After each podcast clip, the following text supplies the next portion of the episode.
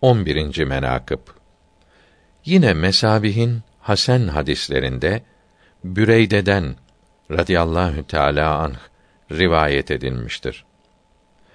Büreyde radıyallahu teala anh haber verdi ki Hazreti Resul Ekrem sallallahu teala aleyhi ve sellem gazaya çıktılar.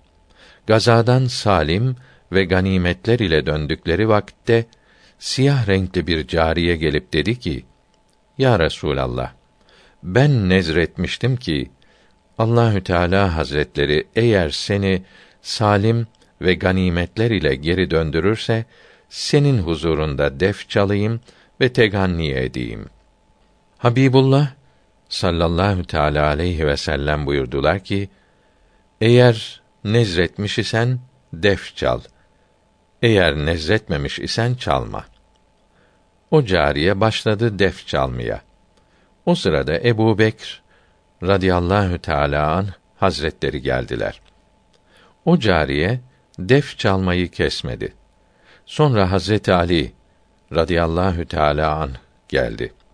Yine cariye susmadı. Sonra Osman radıyallahu teâlâ an geldiler. Cariye yine defi kesmedi.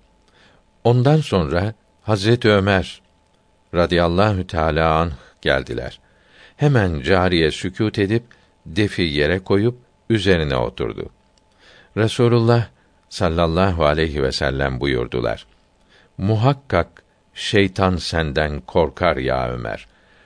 Ben otururken bu cariye def çaldı.